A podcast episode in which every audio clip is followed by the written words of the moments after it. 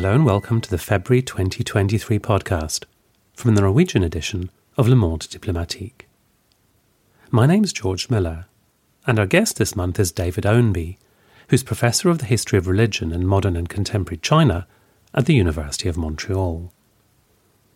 David has a piece in the current edition of Le Monde Diplomatique on how Chinese public intellectuals think about their country's future.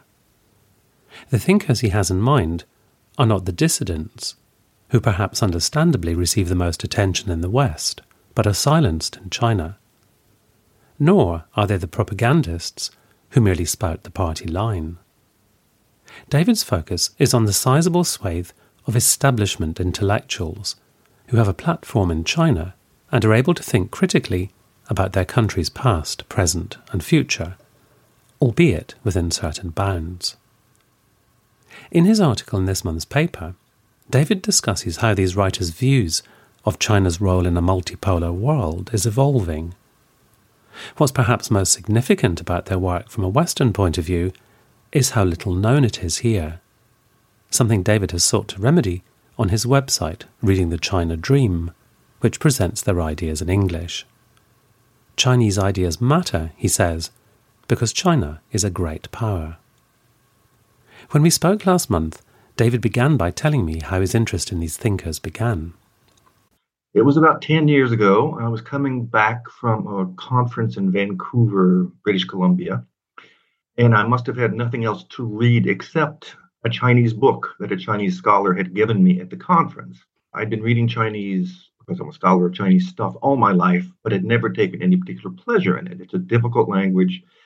Most of the academic stuff I had read was good for the data it provided, but in terms of an argument or a style, didn't hit me where I live. This was a great book. I just opened it and started reading. It's a long flight, like five hours from Vancouver back to Montreal. It was a history book, so written in the same way that history books are written anywhere else in the world, with with colorful characters and and themes. And it was the first time that it happened to me. I might have been 50 or 55 at the time, like I said, after a long career doing this. And uh, I was just amazed. I couldn't see any propaganda. I couldn't see where the party had intervened to tell the author, who became a friend of mine eventually, how to conclude. It was just a really good book. And eventually, what hit me was how strange it was. I, I didn't know that existed. I mean, it could not be that I had found the only good Chinese book in the world. I mean, it could be, I guess, but that's mm-hmm. that strains credibility, right? And finally, I said, well, if I didn't know this exists, maybe no one else does either. Which again is a very strange thing to say to oneself. I, I'm not. I don't have a huge ego, so I didn't think. I don't always think I'm discovering things that the world has ignored. But in this case, it turned out to be pretty much right. So it was that one incident, that one book which pointed me down this road. What I did after that, I mean, I got other topics off my desk and I got a little bit of money from somewhere. And then I worked with the author of that book and put out a book of translations of his work. And I think I was extremely lucky to have chosen him. He's a brilliant writer, he's a very clear thinker, he's a liberal in a Chinese sense, and uh, he's just very smart and balanced. So there was that project, and then I thought I was still hooked. It's a great pleasure to translate someone who writes well and to believe that you've, you've done him proud. Then I worked through his footnotes. Like many of these public intellectuals, he has an academic side where he writes for his peers, and then he has a uh, Times Literary Supplement side where he writes for the greater reading public. So th- those are the ones I was reading. I don't read his academic stuff. I read when he's writing to try to convince other Chinese people about this, that, and the other. And I didn't know the cast of characters that he was addressing in his book. So I had to learn about them to make sense of what he was saying. And then I went on to just go through his footnotes and read everyone who seemed to be interesting. And I translate it because I find that if I don't, it just gets away from me. Chinese, I've been studying Chinese for 45 years. I started in 1977 and it remains difficult. If I don't translate it, it just slips away. And you know, and then just translating little excerpts, little bits of it always seemed to me not very effective as a way of conveying what people were saying. So I just started down this project of translating whole pieces. And I just kind of got obsessed with it. So that, that's how it started. And then it's blossomed. It, it, I have kind of a two handed approach. I have a series of projects where generally I choose an author and present a work or uh, a series of translations of their work and write a big introduction to it to illustrate what a certain author says about certain things. And then I try to keep up just with what's going on day to day. My fiction is that I'm trying to sort of imagine what a Chinese person like me or like you, if they think they're pretty well, you know, caught up what's going on in the world and the press. That's what I try to find. And it's subjective, of course, because there's vast amounts of stuff which I can't possibly get to. But that's those are the two things I try to do. You said you thought perhaps the book you'd find was unique and you, you weren't being serious, but it's not the case that the writers you're choosing are anomalies. You describe it as being a bit like a republic of letters. So it's not just a few isolated figures that you're managing to identify. You're actually tapping into a whole network of of intellectual debates that are ongoing in China with scholars and writers and thinkers communicating to and with and taking up ideas or responding to each other. So that there's a sort of richness there. There's a depth to it. It's it's it's not just um, cases in isolation. I don't have any trouble finding people to read. I have trouble finding new people because I don't know who they are. And reading headlines in Chinese is it's kind of like getting Chinese humor. It's one of the last things you get to. But to give you an idea of the size of this, there's a website in China it's called, it has a terrible title. It's called I Love Thought, which, you know, makes me think of Hello Kitty whenever I think of it. But it's run at Beijing University. It's a repository for the writings of public intellectuals. And there are some six or 700 of them, which is an astonishing amount. And most of them, you'll find, you know, 25, 30, or 50 texts for each author. So there are millions of pages. Now, not all of these are brilliant authors, and not every text is a brilliant text. There's repetition, there's there's schlock, uh, but this is basically not propaganda. I've noticed in the last little while they've been putting Xi Jinping in there among the intellectuals. He wasn't there when I first started doing this, but they haven't gone through and taken out stuff that now would be seen as quite incendiary. I live in fear that someone will notice this site someday and say, get rid of that. But it's testimony to the fact that, yes, there is a huge republic of letters in China. I mean, if you Google Canadian public intellectuals, for instance, you get about five names. That's about it. And in China, there's 600 on this one website.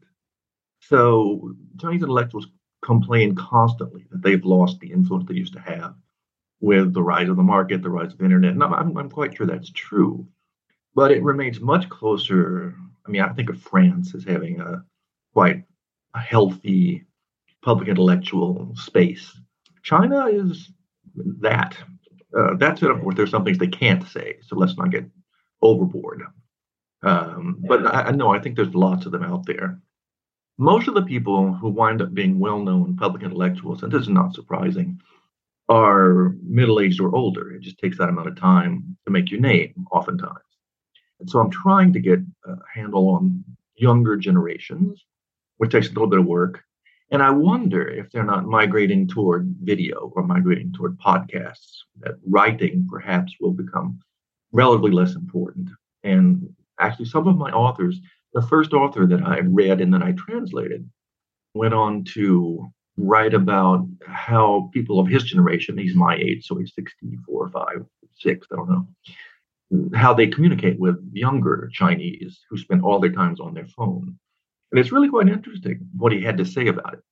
So it may be mm-hmm. the importance of this group may diminish over time, either because of political pressure, which there is considerable amount of, or because of media trends, just make people write and read less. But for the moment in China, reading and writing remains an important thing. So I don't have any trouble finding interesting people to read. I mean, you said that first book that, that really sparked your interest, you couldn't detect in it a sort of the heavy hand of, of censorship. nonetheless, I wondered, Do you have to learn to read between the lines when you approach this this body of writing?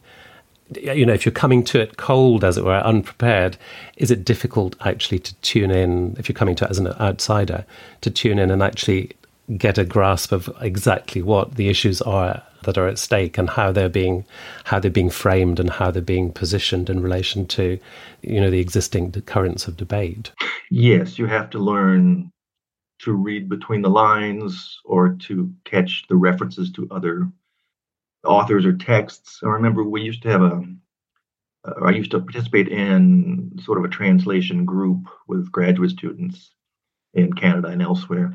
And their Chinese was perfectly good, but they couldn't tell what the authors were saying because they didn't know what they were saying. And it's not that it's totally opaque, but it is different enough from the way we discuss issues that, yeah, you need to be educated. One of the things I like about my website is you can, I can direct people to other texts and say, I think this is interesting because he says this here, and you can compare it with what this other guy said over here. He's obviously picking up a thread from a debate there. It's not comprehensive, but translations are often, cross translation is poorly viewed by the Academy. They're often published in minor presses with small print runs. So no one ever sees them, right? And somebody gets really into an author and publish it, publishes whatever they did on, say, the University of Kentucky Press. It's an actual example. I have nothing against the University of Kentucky Press. And, and then it'll print 500 copies and no one will buy it. And then there it is on my site, I think I've got like 7,000 pages of stuff. You can, of course, no one will read that. It's it's testimony to my own obsession, but at least it's there. But yeah, it's it's coded to some degree. 10 years ago or 15 years ago, it was less coded. The Chinese intellectual world prior to the rise of Xi Jinping was pretty astonishing. We weren't paying much attention because we don't. But the things you could say in 2010 or 2012 about how the Communist Party system will simply not work. It's just amazing. When I go, it sort of frightens me when I go when I happen to read something from that period. So that wasn't all that coded. You could be pretty open. And my author, whose name is uh, Jilin, he was the book that I read. The first one was written in that period when he didn't have to worry all that much.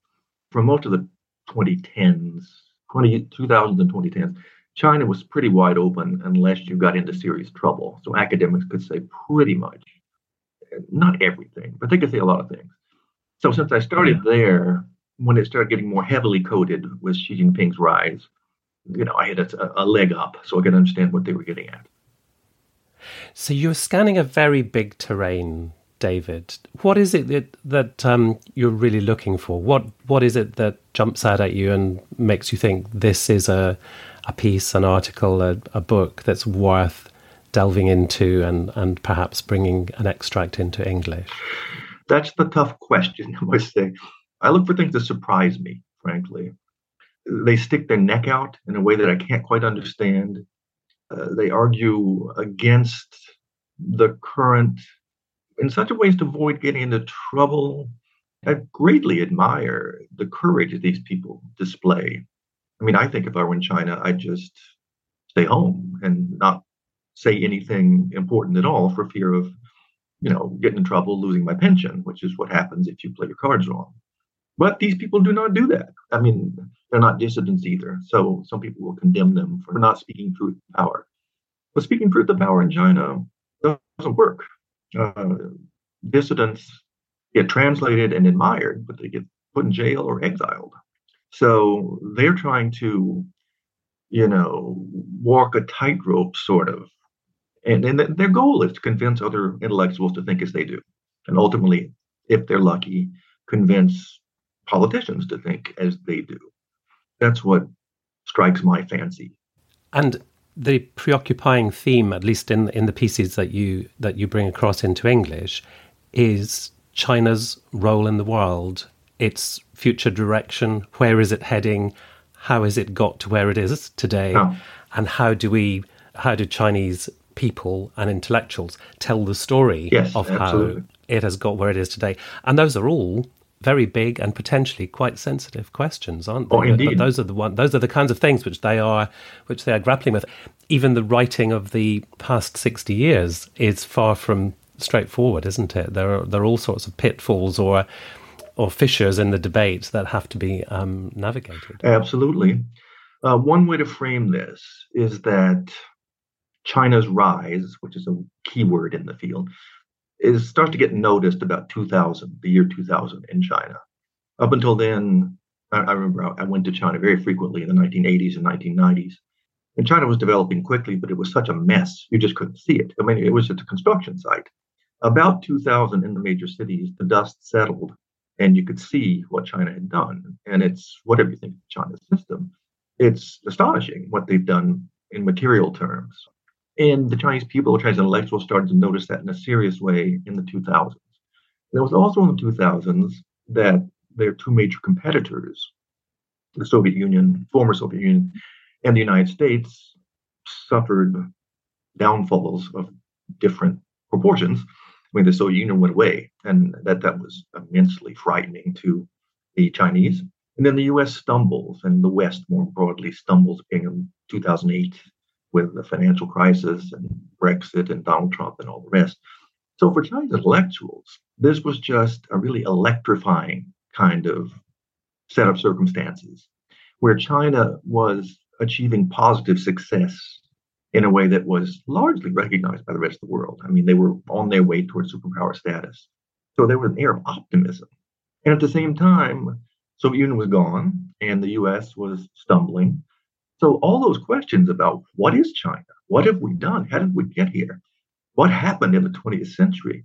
It was this whole range of questions that I think they legitimately uh, opened up to and tried to explore. And I mean, Xi Jinping and the Communist Party have their own ideas about all this kind of stuff, but they would really like Chinese intellectuals to help them flesh it out. And that's what a lot of them try to do. Even people who don't like the government very much, who don't like the direction Xi Jinping is taking it, instead of, well, they can't really take pot shots from within China, but they, they many of them do what they can to try to say, look, you don't have a legitimate ideology anymore. I don't know if you know that or not, but I know that. And everyone I talk to knows that, you know, the Xi Jinping speak doesn't make much sense to most Chinese people. Let us help you craft something that will work. I mean, that's what I think we usually miss when we look at China. You can be thoroughly critical as a Chinese intellectual of the direction in which the regime is going on a certain issue, like common prosperity or anything else, but you still want to help. I mean, Cold War, the heritage of the Cold War has made us think that you're either with the government or against it. You're either a propagandist or you're a dissident or you're too scared to say anything.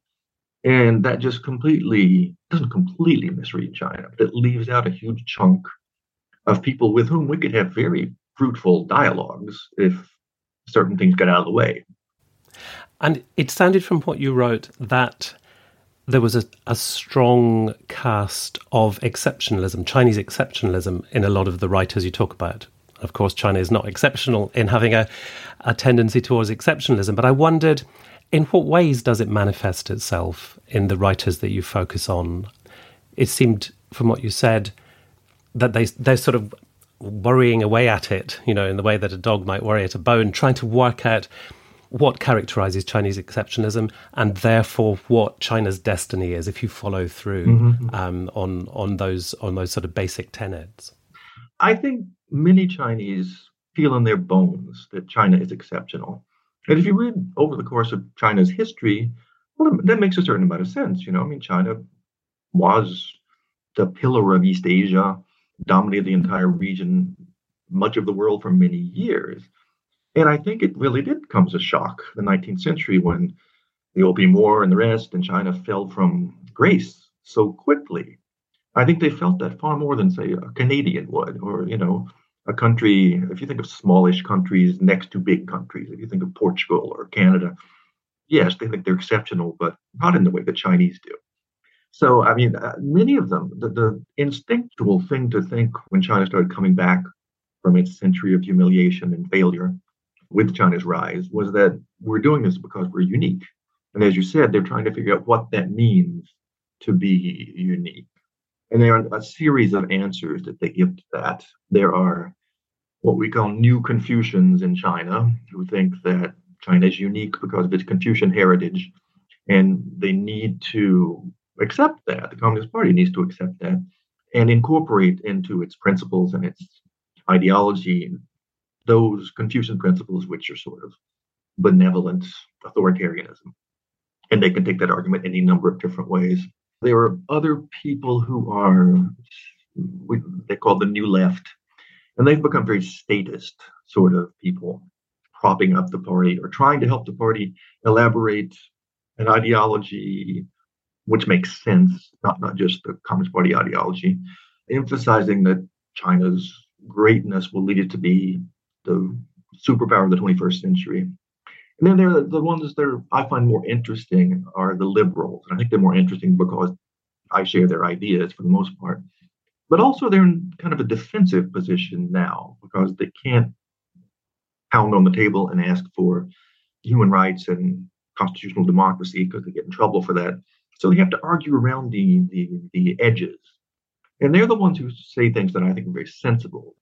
The notion that China is unique makes some sense, but China needs to respect universal values at the same time. So what they want to argue is that there are any number of ways to be modern.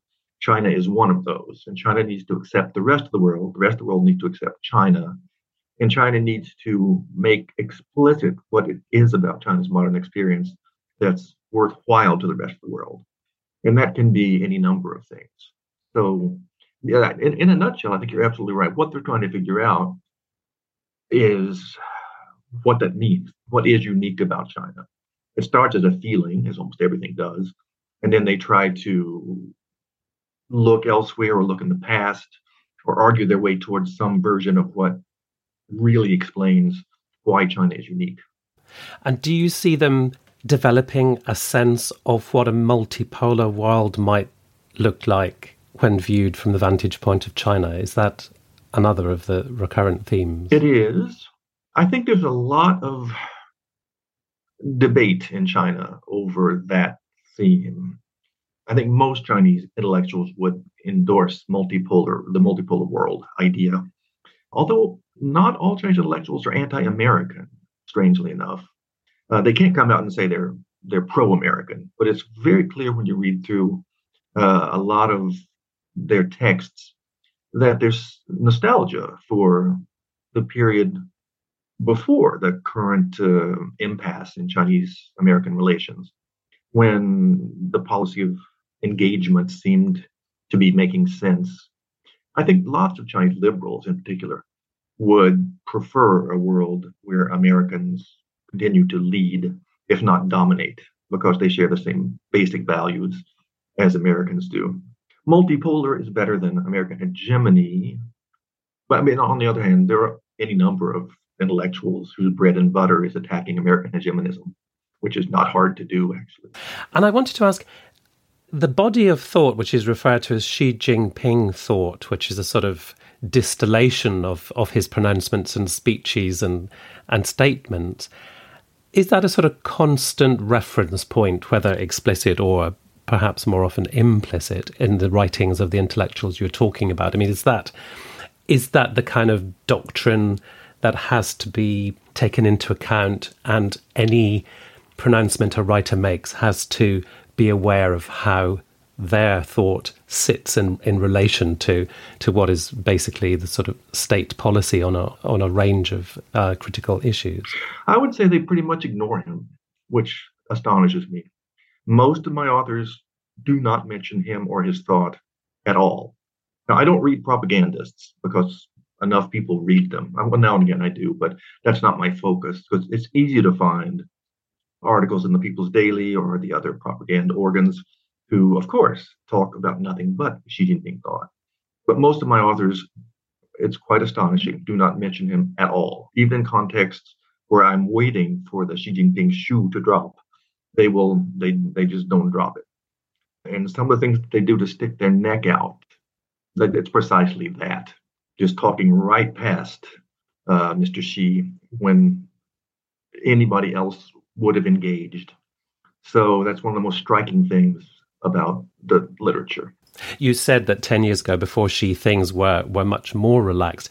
Do you see a gradual ratcheting up of, if not the sort of explicit controls, then the sense that isn't becoming more dangerous to talk too freely or to speculate too too freely, even in these small circulation um, intellectual publications? Yes, you can see it.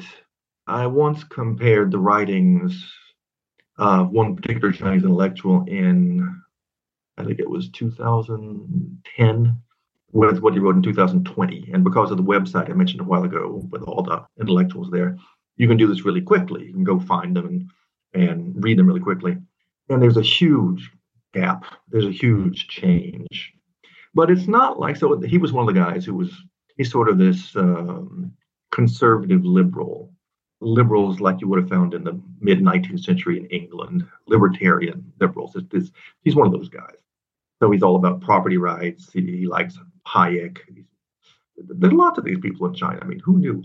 But anyway, he was writing in 2010 that because China was not going in that direction, failure within the next 30 years was almost a certainty. And he didn't mince words. I mean, he wasn't a dissident. He didn't call anybody out, but he just basically wrote as a political scientist.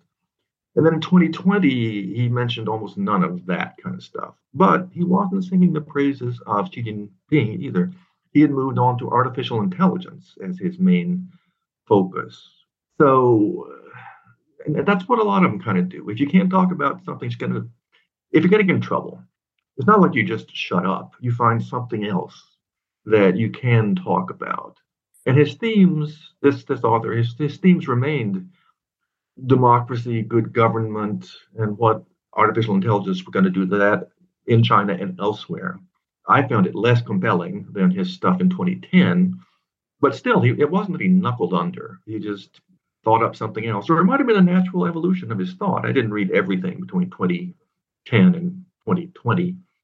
What do you think, David, may be at stake if we don't pay any attention to these writers? I mean, you're, you're doing sterling work, and I, I hope it is reaching an English speaking readership. But if we're not, you know, broadly speaking, we're not really paying much attention to to Chinese intellectual life, do you think there are potential real world consequences, or is it, are these do these writings fall into the category of kind of nice to read but not not necessary to read? I think it's important because it humanizes them. I think there's a very real failure on the part of Western media or the West in general to acknowledge China as being made up of people who are pretty much like you and me.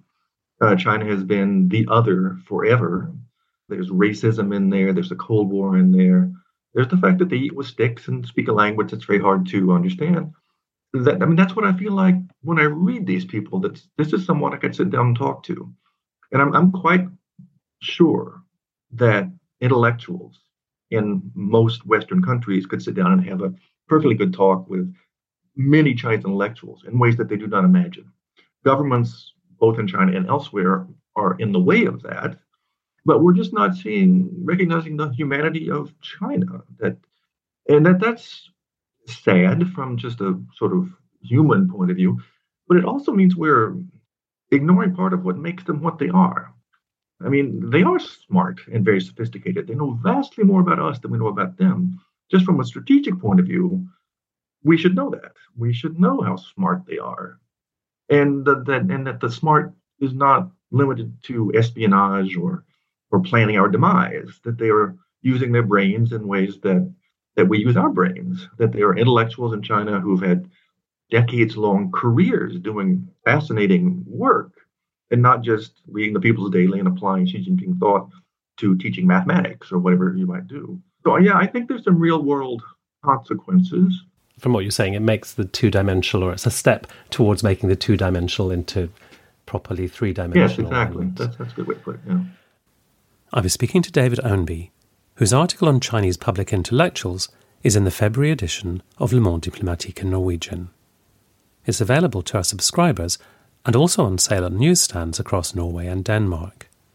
Subscribers can also access it and the complete archive of the paper online at www.lmd.no.